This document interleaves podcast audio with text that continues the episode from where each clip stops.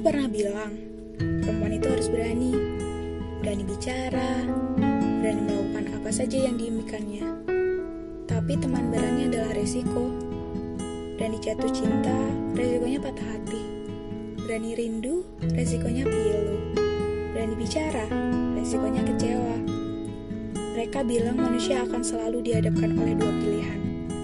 Mau pergi atau tidak ke mana-mana. Mau berhasil atau gagal. Mau jujur atau bohong.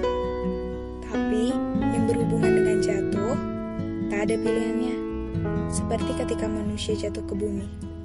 Apa mereka bisa memilih rumah mana untuk ditinggali? Apa mereka bisa memilih hati mana untuk dicintai? Jadi, tak semua perkara bisa terjadi di antara dua pilihan. Cinta memaksa kita untuk dipilih.